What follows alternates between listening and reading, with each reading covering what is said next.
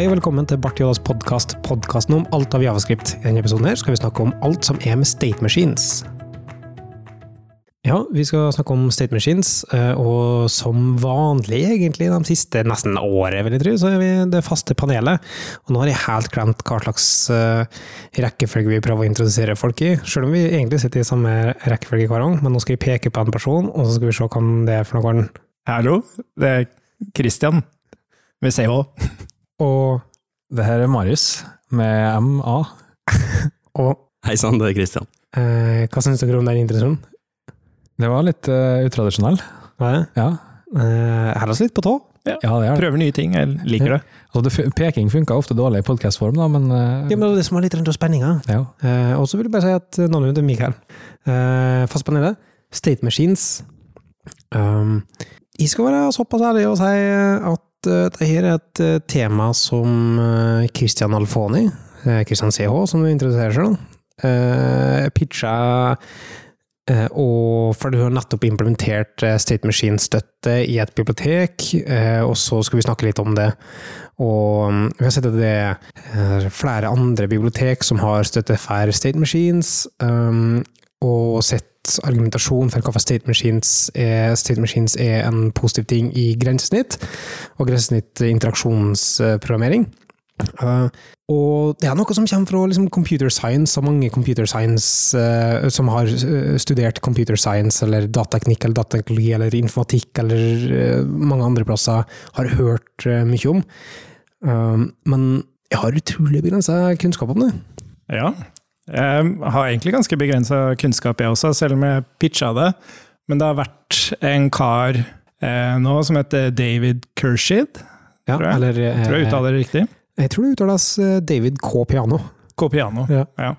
Eh, Twitter-handelen hans, da, i hvert fall. ja. Ja. Og han er og misjonerer. Han jobber i Microsoft. eh, og altså, han er på hver eneste konferanse som dukker opp om Javascript. Mm. og snakker om state machines eller eh, finite atom, automata at- Hva sier man det på norsk? Automata? Automata? Jeg, ville gått for automata. Automata. Ja, jeg tror det. Ja. Og eh, state charts, da. Jeg ville sagt uh, Indiana Jones-automater. Er det en referanse vi burde ta, eller? Nei, det var utrolig populært før med Indiana Jones som pengeautomater, før det ble uh, ulovlig med pengeautomater. Da sto det en på um, Bensinstasjonen. Lokale- Nei, på Rimi. På Rimi på Eide. Åh, Husker du de gamle med mynter? Så Ja. du slo selve mynten Kronespillet? Ja, kronespillet. ja, ja. Det får du på iPad, faktisk. Du kan ikke vinne penger, da. Ah. Mm. Men han er utrolig aktiv. Han, uh, jeg, jeg kaller bare K Piano, jeg, altså. Eh, men David eh, K. Piano. Eh, han er utrolig aktiv på det. Han, som sier, jobber for Microsoft, og så tror jeg han jobber på liveshare-funksjonaliteten til, mm, til VS Code.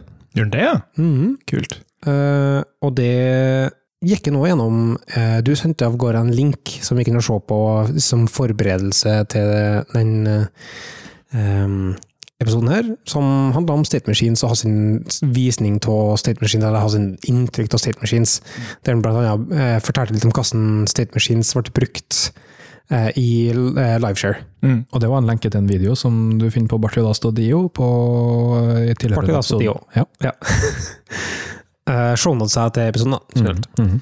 Jeg har faktisk ikke sett den videoen. Jeg bare søkte på navnet hans, for jeg føler han liksom sier det samme hele tida. Eh, men eh, hva var på en måte inntrykket Eller skal vi snakke litt eh, hvor du kommer fra først, eller skal vi snakke litt om inntrykket man fikk? Nei, jeg tenker vi kan snakke om det generelt, og så kan vi snakke om eh, etablerte implementasjoner i Javascript, og da blir jeg gjerne over på det som han presenterte. da.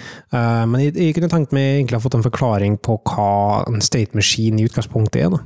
Ja, um, i hvert fall min forståelse av det er at det er som du sa, det er et eldgammelt konsept. Det er fra 30-tallet eller noe sånt.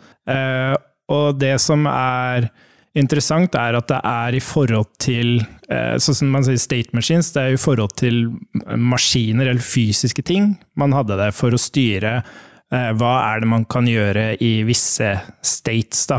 Uh, og så har man hatt økt kompleksitet her senere, og så har det blitt utarbeida en iterasjon som man kaller for state chart, som på en måte lar ting skje når man går inn i en state og ut av en state. og man, Når man trigger en state, så kan det skje ting og, og sånn. da, Og man har eh, andre konsepter eh, oppå der igjen. Men helt grunnleggende så er det for oss å styre hvilke states er det en maskin kan være i, og hva, hvilken state kan man gå til, gitt den staten man er i. da. Og det er liksom sånn det som er så vanskelig med det konseptet, er at det er så abstrakt, og det er ekstremt akademisk, og det å liksom få det her over i vår verden er kjempevanskelig, da. Men mitt første spørsmål er jo egentlig, er det for å faktisk styre, eller er det for å få oversikt over hvilke eh, states en applikasjon kan være i? Det er for å styre, i utgangspunktet.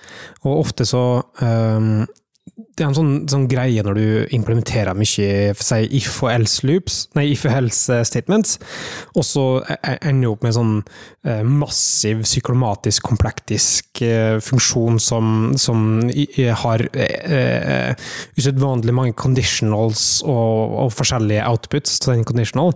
Så sier en liksom sånn eh, om du kan kalle det folkemunne, da. Men altså, så blir ofte liksom kommentaren at ja, her har du implementert din egen state-maskin.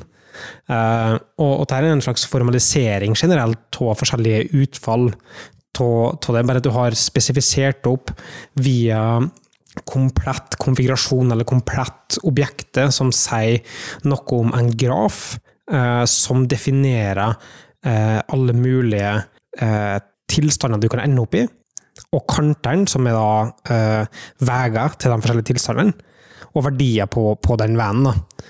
Eh, så du spesifiserer opp eh, utfallet til noe, og så er det egentlig en bivirkning, eller en happy accident, på et vis. En naturlig konsekvens av eh, at det er en graf. At du kan illustrere den automatisk som noe du kan observere. Mm, og det er også noe man snakker om. En ting er en sånn teknisk API, hvordan man definerer det, men også en sånn prosess. da. Og det er det her med bottom up og top down. Og typisk, jeg kjente meg veldig igjen i, i, det, at jeg får på en måte et design, og så begynner jeg på knappen, eller et eller annet sted, et veldig sånn konkret sted, og så bygger jeg opp appen fra det punktet. Mens når man tenker i dette konseptet, da, så er det sånn som Michael er inne på, at man ser for seg eh, fra toppen hvilke states er det man kan være i i denne flowen. Um, og så definerer man ok, hvordan kommer du fra den ene til den andre og sånn, da. Um, men det som fikk det til å løsne for meg, det er at det en state machine egentlig gjør, det er å passe på hvilken, som i vår verden, hvilken logikk er det du skal få lov til å trigge? Hvilken action er det du skal få lov til å kjøre, eller hva enn man kaller det? gitt hvem state man er i i appen. da. Um, og det var en sånn lightbulb moment for meg, da. Det blir på en slags måte en slags heuristikk i, i, i logikk. det var artig å si.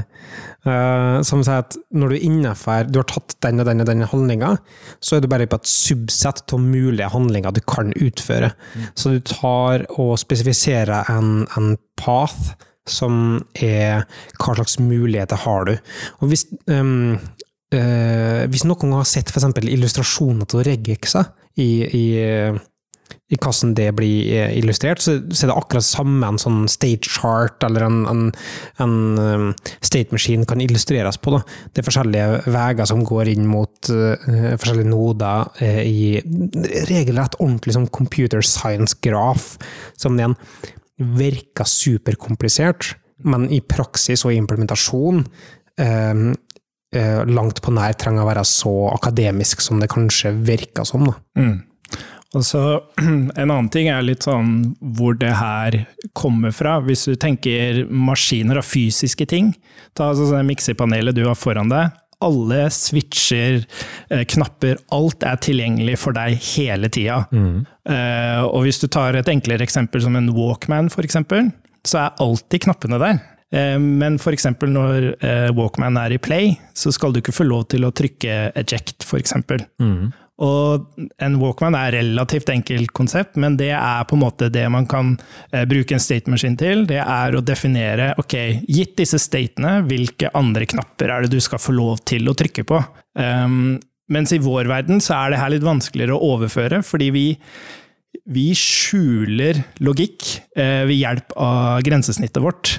Eh, så for eksempel et login-form, for eksempel, det har ikke noe logout-knapp. Mm. Eh, og dermed så kan man ikke trigge logout. Altså sånn, teknisk sett så kan man gjøre det. Gjøre det. det er ingenting teknisk som sperrer den funksjonen i koden din, annet enn at du har bare ikke eksponert den i grensesnittet ditt.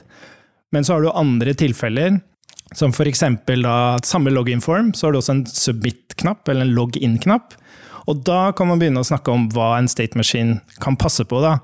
Og det er at når du trykker på den submit-knappen, så vil du føre appen din over en ny eh, state, som er authenticating, eller logging in, eller et eller annet sånt. Ja, For det er jo typisk en action, da. Ja, ikke sant? En action. Mm. Og når da appen din, du har en state machine som switcher deg over, så vil det ikke være mulig å trigge eh, login på nytt. Mm. Den er ikke tilgjengelig i det hele tatt i appen, så hvis noen har glemt å disable den knappen når de implementerte UI eller whatever, så går det fortsatt ikke an å trigge det. Så det er sånn at du klarer å separere eh, Eller du er ikke avhengig av riktig UI-implementasjon for å sikre at logikk som ikke skal kjøre i gitte states, ikke kjører. Eller kjører, mener jeg. Mm. Ja, nei, dobbeltnegasjon er fint, det. Eh, det konverterer faktisk en, eh, et numeric til en bolin. Men hva ville du sagt er hovedfordelen til en state machine? da? Det er et veldig godt spørsmål. og det er sånn min, min reise gjennom det her var at jeg starta med å ikke skjønne noen ting av det. eller klar, ikke, altså Jeg klarte ikke å relatere meg til det. Og så er det da kommet til det punktet at eh, ok, jeg ser at hvis jeg ser på det her som en slags sånn action-filter eller action-limiter, eller eh, så ser jeg at ok, kanskje det er visse bugs som oppstår i appene våre fordi vi ikke sikrer at UI hindrer brukeren fra å gjøre ting de egentlig ikke skal få lov til å gjøre. Da. Uten at jeg har noen sånn konkret erfaring med det, men det her submit, login submit-eksempelet er veldig sånn klassisk. Da. Um, men uh, en annen fordel da, er det du var inne på i stad. Det er det at du kan beskrive i appen din deklarativt. Uh, jeg har disse statene. Igjen, da, en, en login-prosess, så er det liksom ok, jeg er på login, jeg er på authenticating, jeg er på authenticated, eller jeg er på error. Og så beskriver du disse statene, og så beskriver du under de hvilke actions er det jeg skal få lov til å kjøre. Så det betyr at eh, for en programmerer som skal inn og se på det her, så får de en veldig veldig god oversikt over hvilke states hører til hvilke actions. Da. Så det er en, det er en kjempefordel. Da. Det er nå kanskje det som er mest tiltalende med konseptet for min del, og, sånn, eh, og da snakker vi mer om implementasjonen, ikke det konseptuelle state eh, machine-delen. Men eh, det at du spesifiserer opp et komplett sett med overganger, eller for da snakker vi plutselig om at du har en del som er selve um, visninga. Altså det er representasjonen til den logikken, eller representasjonen til den tilstanden som det har. Og så har du tilstanden i seg sjøl, som er et komplett objekt med den nåværende sannheten til det du ønsker å vise. Og så har du en tredje del, som er um, beskriv um, bevegelsen til tilstanden, på en måte. Det er eh, eksplisitt og deklarativt satt. Um, her så har du det og det, og så går du over til det og det, og så går du over til det og det. Mm. Uh, og da er vi egentlig over litt på utvidelsen som er um, state charts, som um, er et, et supersett og det grunnleggende state machines-konseptet, som sier noe om at du kan ha f.eks. guards, og du kan ha uh, uh, tror entry og exit kommer i state charts, Ja. hvis ikke jeg husker feil. um, Ja, Forklar litt om state charts, da. Eh, Altså, igjen da, min forståelse av det er at state machines er eh, Du setter opp visse states, og så setter du opp eh, eh, transitions eh, som kan føre til en ny state. Så for eksempel, eh, enda et typisk eksempel som er bare så sinnssykt irrelevant for oss, men det er trafikklys. da. At du har liksom grønn, gul og rød, og hvis du er i Hvordan blir det her, da? Hvis du er i grønn, så kan den skifte til gul.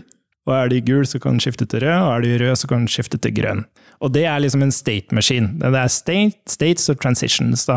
Eh, sånn jeg forstår state charts, er at du eh, begynner å få ting sånn som at ting begynner å skje. Da. Du begynner å definere hva som eh, skal trigges da, i forbindelse med disse transitionene.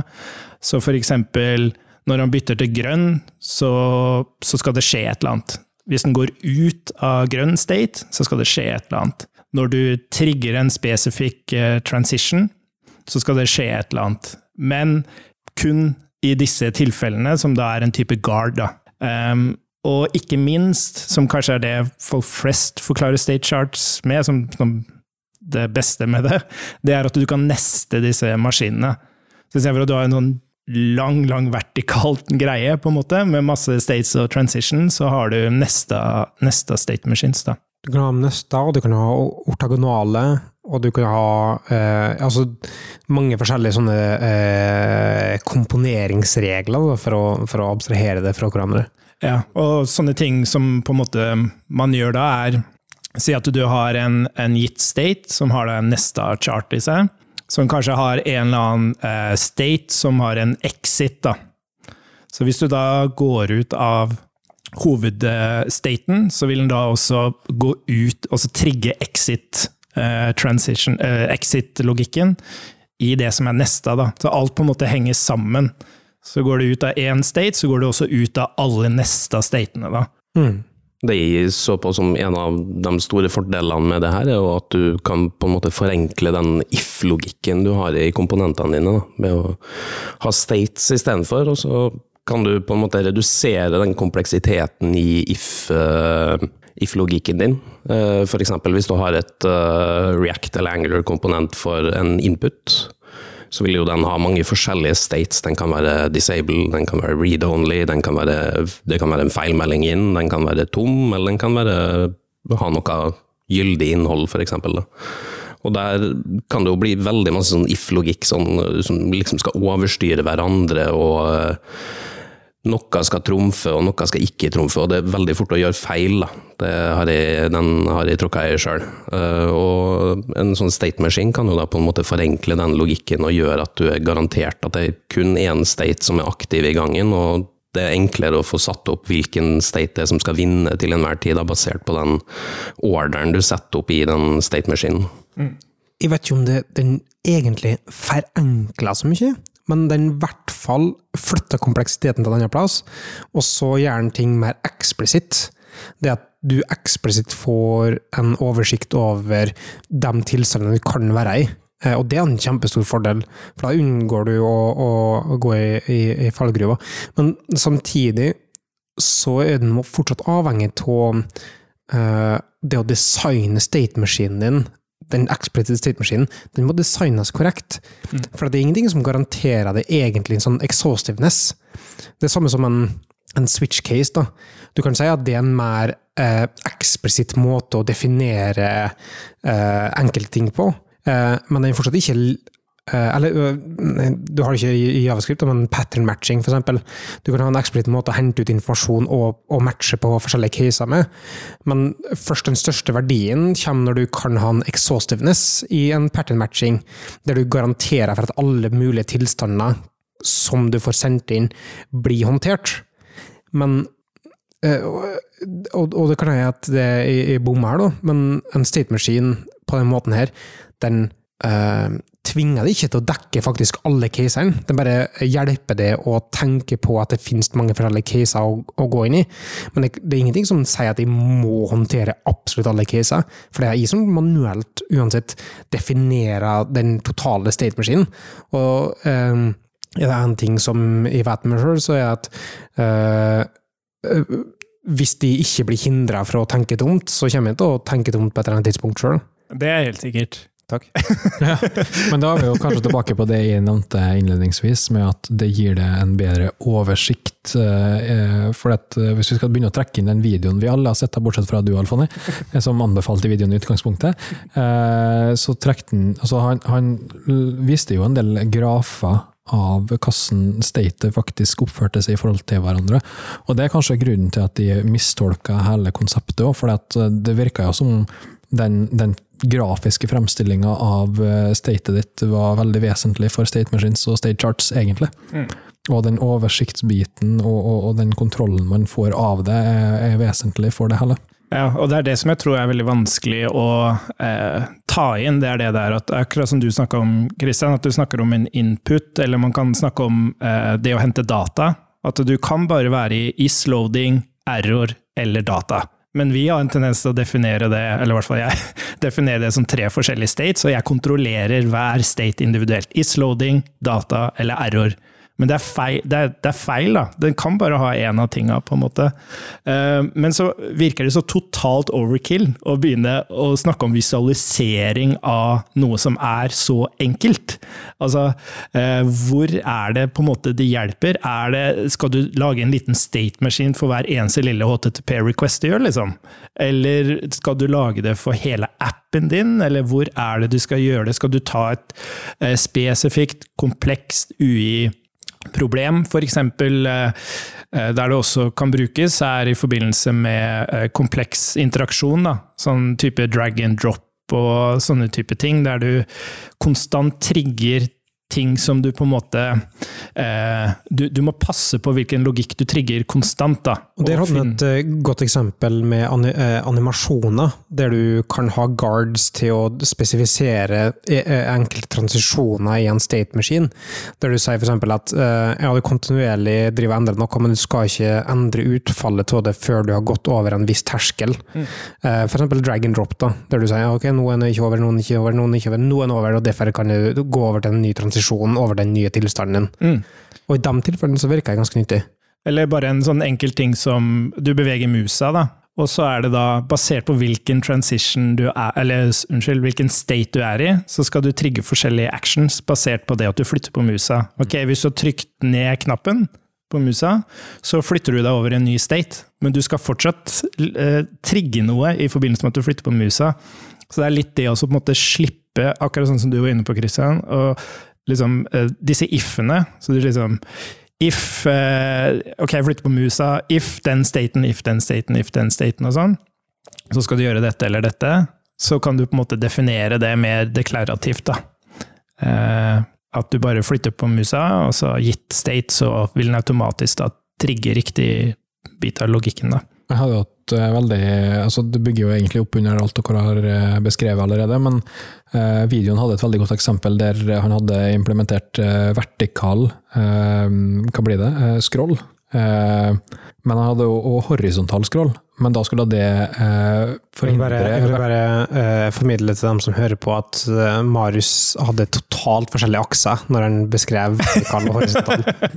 og så jeg vil bare si at han er like dårlig på vertikal og horisontalitet som han er på venstre og høyre.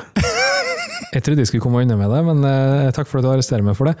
Eh, men poenget mitt var i hvert fall han hadde vertikal scroll og, eh, implementert, og så, og så, skulle han ha horisontal.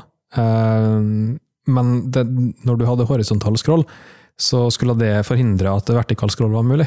Og det fikk en jo veldig bra til med en state machine, sånn som du allerede har beskrevet. Mm. og det er det som var mitt sånn Det jeg prøvde å utforske, da, er at ok, er det disse er, er det er det disse problemene man skal bruke en state machine til, eller kan man bruke det på et større nivå? da? Mm. Um, Jeg har faktisk en ganske enkelt svar til det. Ja. Hvis du har lyst til å, å bruke en state machine til å uh, hindre vertikal scroll, men framprodusere horisontal scroll, så er svaret nei. Men det er ikke pga. state machine, men det er fordi du ikke burde gjøre det. det er et Godt poeng. Skal jeg plukke opp deg? Ja, gjør det. Okay. jeg får ta, ta for eksempel uh, i, på, eh, så jeg jobber med Code Sandbox-prosjektet, og der har du eh, tabber da, på venstre side i forhold til å endre ting på prosjektet. Du kan gjøre ting med Git og sånne forskjellige ting. Og det man kan se for seg, er at eh, disse tabbene er hver sin state. Da. Enten er du på Project Overview, eller så er du på GitHub, eller så er du på File Explorer og sånn. Um, og så trykker du på disse, og det fører til at man går inn i en ny state. Og så kan man da deklarativt sette opp at ok, når du kommer inn i en tab, så skal det skje noe. Når du går ut av en tab, så skal det skje noe. Og det er kun visse action som man kan trigge innenfor hver av disse tabbene. Det kan man eh, beskrive som en state machine eller en state chart. Og så kan man stille seg spørsmålet er det verdt det? Altså trenger man virkelig det? Um, jeg vet ikke. Kanskje ikke man gjør det. Um, Men det man får, det er en beskrivelse av hvilke actions er det som tilhører hvilke tabs, f.eks. Um, og man har muligheten til å definere at ok, når man kommer inn i en tab, så skal det trigge noe nedlasting av noe data, f.eks. Når du går ut av en tab, kanskje du vil avbryte nedlasting av data, eller verifisere noe annet i forbindelse med det. Um, og det Jeg ser ikke noe galt i det, på en måte. Det, det koster jo å bruke det, men du får jo også noe tilbake, så det er det man må finne ut. Er uh, the juice worth the squeeze? For alle, for alle, dem som har hørt seg gjennom 25 eh, minutter av oss eh, beskrive hvordan state machines fungerer, og hvordan man burde bruke dem, eh, hvordan beskriver man egentlig en state machine, og på hvilken måte? Godt spørsmål. Jeg føler det var det samme spørsmålet som jeg stilte innledningsvis, og Kristian Alfoni svarte på? Han gjorde det? Ja, men, Nei, men ikke sånn, mener du sånn syntaksmessig? Ja, syntaksmessig, faktisk. Mm. Ja, ja, ja. ja. Um, så det man typisk gjør, da, av det jeg kjenner til Jeg, jeg tenkte at vi uh, var nettopp på vekt, uh, for da går vi over på egentlig implementasjonsspesifikke ting. Mm. Hos State til nå så har vi snakka mer om det generelle, men vi kan godt snakke om eh, X-State, som er eh, implementasjonen til David K. Piano eh, sin eh, Javascript-bibliotek på det. og der har du en spesifikk måte å, å, å spesifisere det på. da. Eh, men det blir bare en liten sånn, uh, kommentar til vi på å snakke om, kanskje det er verdt det og ikke. Han hadde òg en, en um, uh, illustrasjon som sa noe om at f.eks. state charts, som er det med guards og utvida funksjonalitet til state machines, um, uh, hadde høyere kompleksitet i, på små ting, men utligner seg over etter hvert som, som størrelsen på prosjektene ble vokst. Og Eh, if-else-logikk. Det var på en måte eh, lineært, det bare økte i takt med kompleksiteten til kodebasen din. Eh, og, og, state charts eh, var eksponentiell i form av at eh, det ble mer og mer komplekst etter større og større du har. Eh, så Og det er noe som jeg ser for meg er, er representativt òg. Um, men jeg tror forskjellen på når state charts lønner seg i mitt hode er mye senere eller Jeg tror det er snakk om mye større prosjekt enn en det kanskje David K. Piano eh, tenker på. Eller så tror jeg kanskje han David der er, eh, opererer på større prosjekt enn det vanligvis jeg opererer på.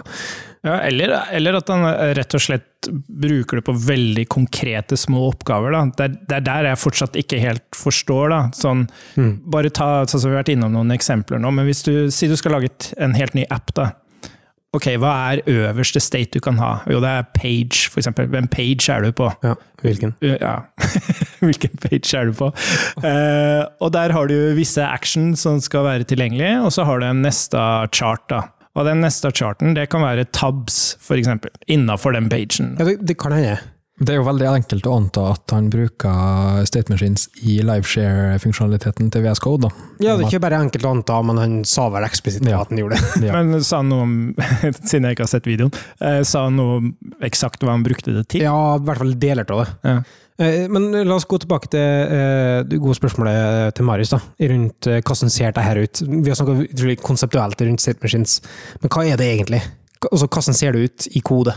Beskrive kode. Um, sånn som Xdate, da, og det er også sånn i forhold til Altså det biblioteket som er implementasjon til David her, ja. av state machines?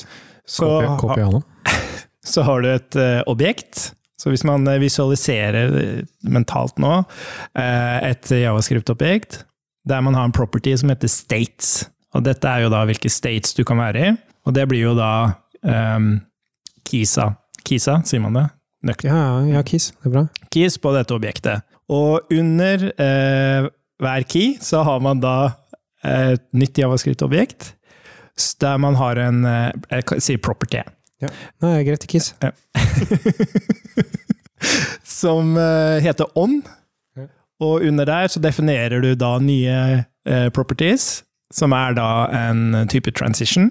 Og under da, for hver transition property, så har man da et nytt eh, objekt der man kan sette target property. Så det, det er Jeg tror Uh, og det kan hende at det her ikke stemmer, men jeg tror det er enklere å faktisk se kodeeksempel.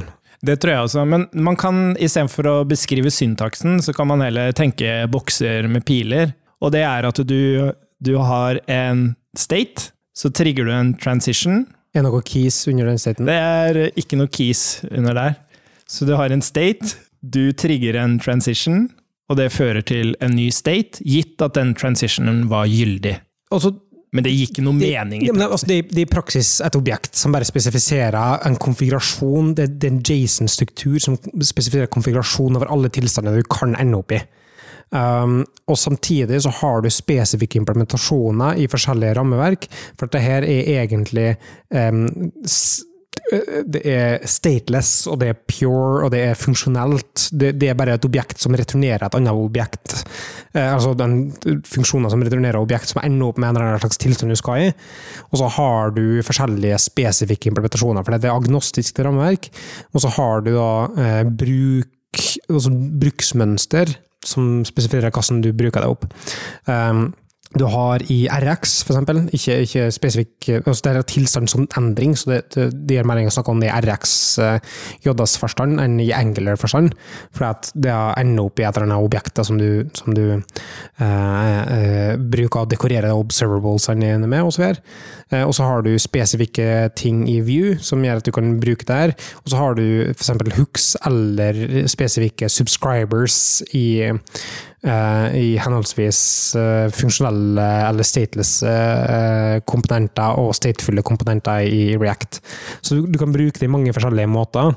Um, og, og Du kan du bruke, kan bruke det uten. Ja, du kan bruke det i en reducer i Redux, så kan du bare smelle inn en eh, state-maskin der, og så vil den håndtere, eh, håndtere transitions, da. Jeg, jeg tror vi begynner å nærme oss på en slutten. Jeg tror vi ehm, det er noe å, det er et tankemønster å tenke ut. Eh, og, jeg, jeg, har ikke, jeg har ikke brukt det i et reelt prosjekt i det hele tatt, så så jeg kan ikke uttale meg om, om det er jeg, tror det er en interessant tankeeksperiment eller en interessant teknologi å utforske. Jeg, vet, kan ikke uttale meg noe om bruken av det. Sånn, sånn intuitivt, eller sånn magefølelse, så, så, så kjenner jeg at eh, det, det føles som en ting som når det funker, så funka det utrolig tilfredsstillende. Men det er jo en ting som funka best i Happy Path. Og det er litt artig, for at han snakka i presentasjonen sin om uh, at vi ofte tar hensyn til Happy Paths, og så uh, uh, tenker vi ikke over på, på måte, de not so happy paths. Eh, men det her føler jeg en sånn type ting som er sånn For de use casene der det funker, da funker det dritbra, og da er det ordentlig tilfredsstillende å bruke det. Men idet du divergerer fra den mentale modellen som legger opp til, så kan det være vanskeligere å, å finne lykke i det. Ja, og og også sånne eksempler som um, ta, Du vet Netflix hadde en sånn um, Hva het den? eh, Bandersnatch. Bandersnatch. Ja, Mm. der brukte de uh, X-Date til å finne ut alle utfalla. Mm. Og det er ganske kult, da, uten at jeg, jeg Men jeg klarer ikke mental, den mentale modellen min klarer liksom ikke å se for seg hvordan de gjorde det her, og hvorfor det var så spesielt bra. Det er sånn. Um, sånn hva, hva skrev de i X-Date-API for å finne ut av det her?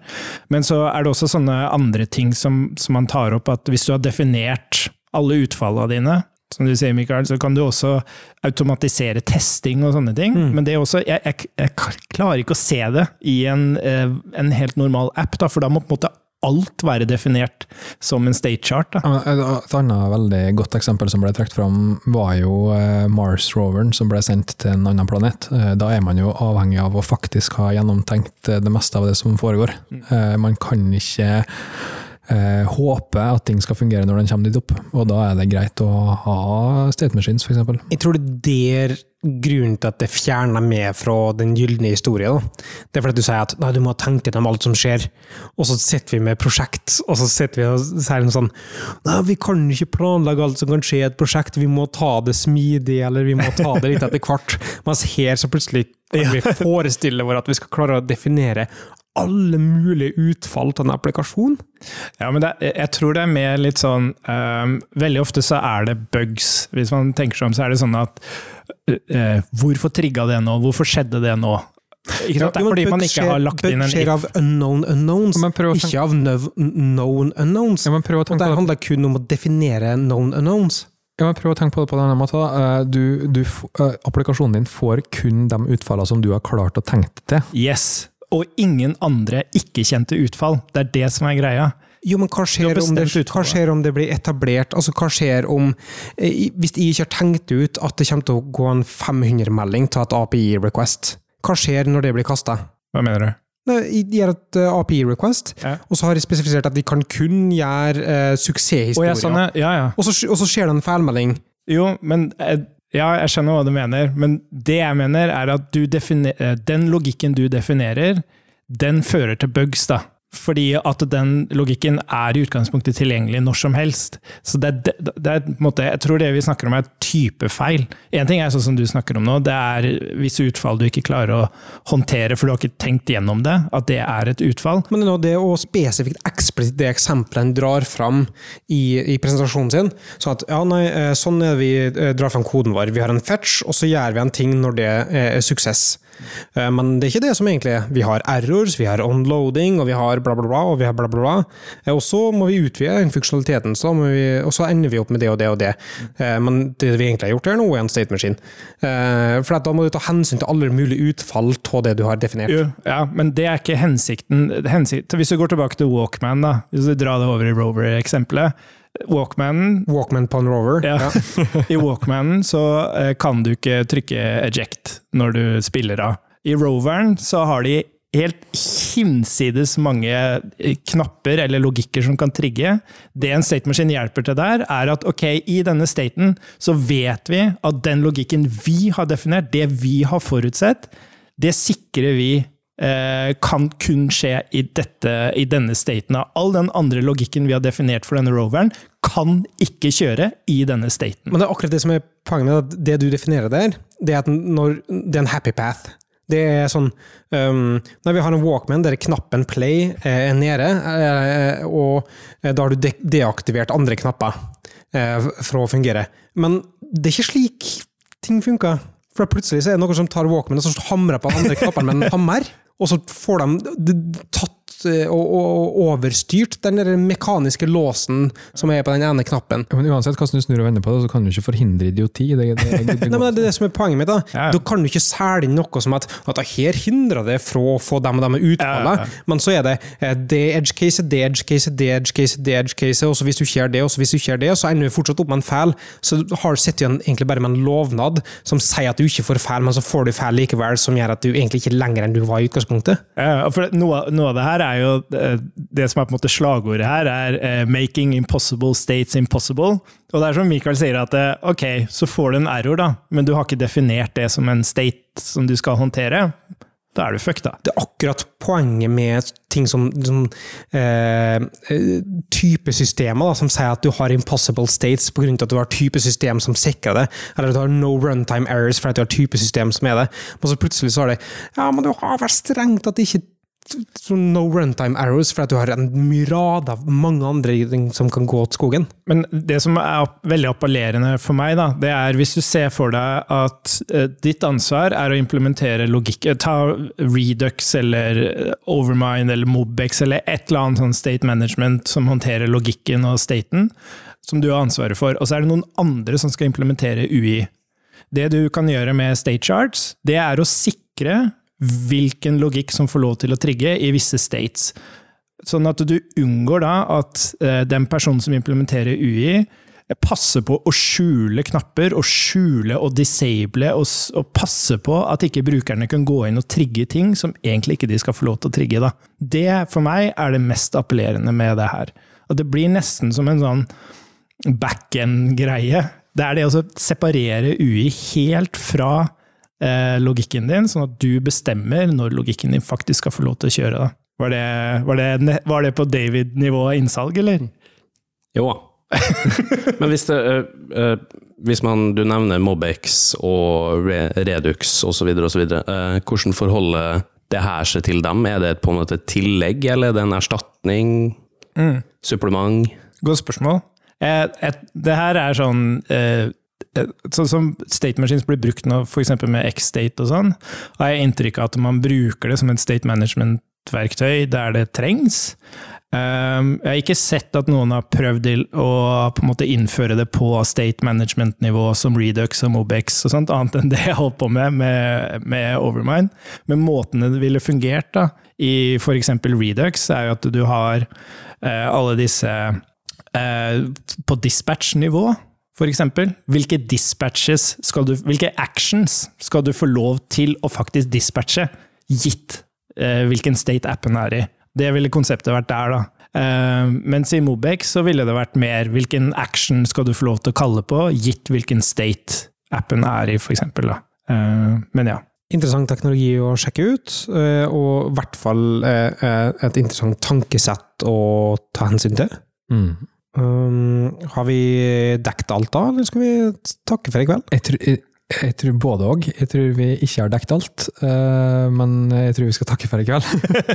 Nå har du reist deg opp her og er så engasjert at du holder på å eksplodere, så jeg tror det er greit å bare kalle det for en episode. Da kaller vi det for en episode. Ja. Eh, hvis noen har spørsmål om state machines og det å skille uh, vertikalt fra horisontalt, kan hvem bør de ta kontakt med da, Marius? Jeg spør du meg hvem de burde kontakte, for det burde ikke være med. Jo, men bare ta utgangspunkt i det du okay. sier, altså det motsatte. da. Ja, ok, ja, nei, du finner meg på Twitter på @krakels. Hvis de har lyst til å skille konsonanter fra vokaler, og hvor mange konsonanter kan, kan være etter hverandre i et naturlig ord, eh, kan, kan de kontakte da, Kristian? Ikke med, i hvert fall, men du finner meg på atlarifax på Twitter. Og hvis han bare lyst til å ta tak i Christian Nalfoni. Kom du ikke på noe, da? du var on roll der, altså. ja. Eh, ja. Finnes du, på sosiale medier? Uh, ja, nå Du er er- back, du er back nå er in jeg på- Nå er jeg på Twitter. Det var jo tre episoder siden. Ja, ja. Ja. Men, eh, mens, ja, men nå er jeg ganske ille ute, altså. Nå er det sånn, jeg sjekker Twitter. Bare sånn jeg ringte Mikael skulle opp her, sjekker jeg Twitter, Jeg har fått noen notifications. Så Liksom. du er, det er rett før du er tilbake på å ikke være på Twitter, da? eller? Ja, ja, ja, nå, nå er jeg i ferd med å boikotte igjen. Ja. Men eh, Før, eh, før den tid kommer, så er det i hvert fall at Kristian Alfoni. det er helt korrekt med CH. Eh, hvis noen som har spørsmål om uh, Bart Joddas eller meg direkte, så er det og at Mikael Brevik eller at underscore Bart Joddas. Uh, vi er òg alle å finne på Slack. Førstemann å si Slekt.partiet.tio. det stemmer på en eh, prekk. Og det som er litt artig, er at uh, i slutten av oktober så er vi live på uh, Trondheim Developer Conference i Trondheim. Der skal vi ha et liveshow i lunsjen. Så alle dem som har tenkt seg på, på den konferansen, så er det bare å stikke innom uh, et av rommene der. Så sitter vi der og prater tull, sånn som vi pleier. Kan hende at det er Nå er det bare ti dager, ca. 14 dager, til, til det skjer. Så, men det kan fortsatt hende at det er billetter ledig på trondheimdc.no. Mm. Er det 10 eller er det 14? Nei, 14, tror jeg. Eh, eh, 28, 29. oktober. 28. oktober. Mandag 28. oktober. Eh, da gjenstår det vel egentlig bare å si takk for at du hørte på. Så høres vi i neste episode.